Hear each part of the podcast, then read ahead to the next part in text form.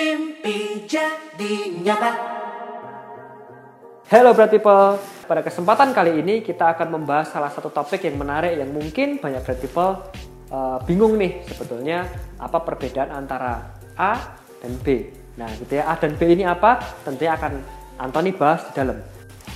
Nah Bright People, kita sudah masuk tentunya uh, ada suatu hal yang ingin Anthony bandingkan di sini, yaitu tentunya tentang properti ya yang ada dua jenis properti pastinya yaitu properti primary dan secondary. Nah, di sini Antoni akan ditemani oleh expertnya atau ahlinya yang tentunya sudah di properti sangat lama. Nah, biarkan beliau yang akan menjelaskan. Yuk, kita langsung datangi dia. Pasti. Ini kelihatannya ada yang mau di diskusi perbincangkan. Yes, betul. Jadi ketika kita ketemu ini bakal seru. Betul. obrolan. Betul. Ya, Jadi uh, sebetulnya di sini Antoni pengen menanyakan satu pertanyaan sederhana, lagi-lagi sederhana, mungkin tapi jawabnya yang agak susah gitu ya. Karena kebanyakan dari para bread people ini nggak tahu sebetulnya titik perbedaan antara properti primary dan secondary. Primary dan secondary. Yes. Nah jadi mungkin di sini uh, Koiwan boleh sedikit bercerita apa sih setiap perbedaan baik saya kasih contohnya juga ya. Yes. Oke. Okay. jadi kalau primary dan secondary itu perbedaannya sebetulnya pada status kepemilikan. Ya jadi kalau misalnya primary itu kepemilikannya oleh developer Oke. Okay. Kalau secondary itu kepemilikannya sudah sama perorangan.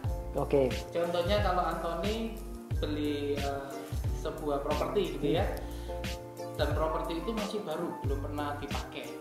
Oke. Okay. Jadi secara bangunan itu masih baru baru gitu ya. Grass. Karena yang beli Kinclong. Anthony sudah berpindah tangan ke Anthony, berarti atas nama perorangan, betul? Yes, ya? yes. Nah, ini disebut secondary. Oke. Okay. ya. Jelas ya. Jadi sering kali yang menjebak bertipe itu adalah wah ini rumahnya baru gitu ya sehingga orang anggapnya itu primary, primary gitu ya. Padahal secondary pun juga bisa rumah baru. Oke, oke, oke. mengacu pada bangunannya. Yes, yes. Jadi yang dititik beratkan adalah ini properti punyanya siapa. Kepemilikannya yes, betul yes, sekali. Oke. Okay. Nah, terus kalau Antoni boleh bertanya lagi, kira-kira tentunya semua dari primary dan secondary itu kan punya kelebihannya masing-masing. Punya kelebihannya. Nah, kira-kira kelebihannya primary apa, secondary apa? Tentunya pasti ada banyak berarti Ada kelebihannya mungkin kalau dijabarkan bisa sampai 5. Tapi karena kita mau singkat aja, yang penting sederhana tapi bisa mudah dimengerti, dua aja. Dua aja. Terima yes. kasih untuk dua pertanyaannya. Yes. Oke, jadi saya jawab kalau dua itu kita ke primary dulu ya.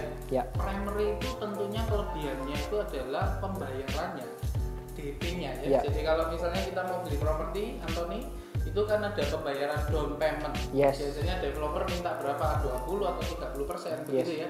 Nah ini kelebihannya primary itu bisa dicicil panjang.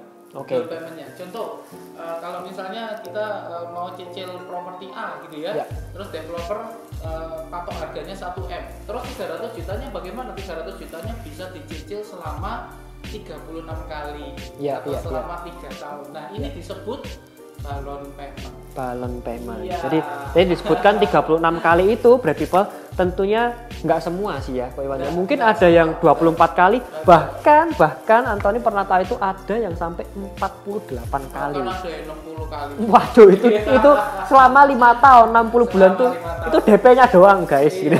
Keren ya. Oke iya iya. Ini iya, memudahkan supaya teman-teman misalnya generasi milenial sini yes. bisa mulai belajar untuk beli properti. Milenial jangan lupa punya properti. Nah terus langsung yang kedua.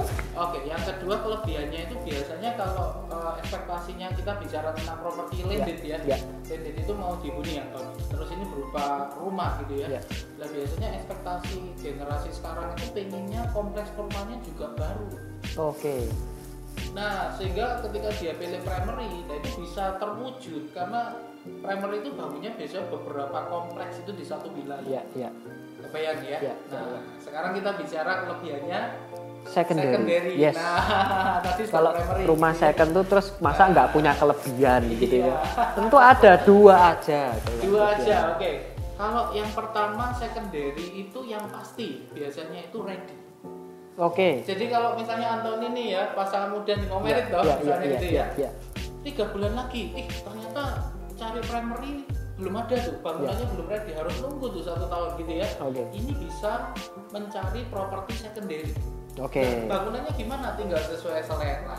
Oke. Okay. Yes, yes. Yang kedua, kedua, kalau secondary ini biasanya harganya negosiasi negotiable ya. Nanti betul, hmm. take it or leave it. Gitu Oke, okay. gitu ya. take it or leave it guys. Kalau secondary, Anthony bisa bandingkan misalnya uh, di sebuah kawasan gitu ya, di sebuah uh, ada sebuah klaster gitu ya, ternyata ada tiga yang dijual. Hmm. Nah di situ bisa terjadi negosiasi lumayan. Kalau ya. misalnya selisih 50 juta, 100 juta atau misalnya 500 juta kan lumayan bisa beli mobil. Betul, betul, betul.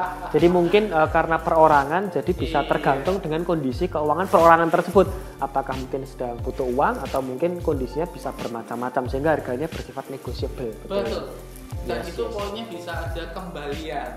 Oke, oke, oke. Jadi bisa dibuat tambah biaya nikah. Yes, yes, yes. Kembali ke sana lagi berarti. Oke, okay, jadi itu satu jawaban yang menurut saya cukup singkat tapi uh, informatif ya.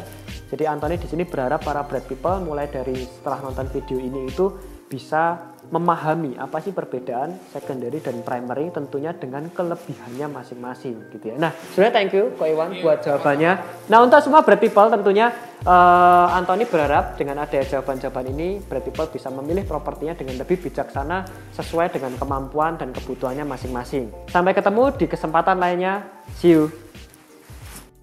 Mimpi jadi nyata.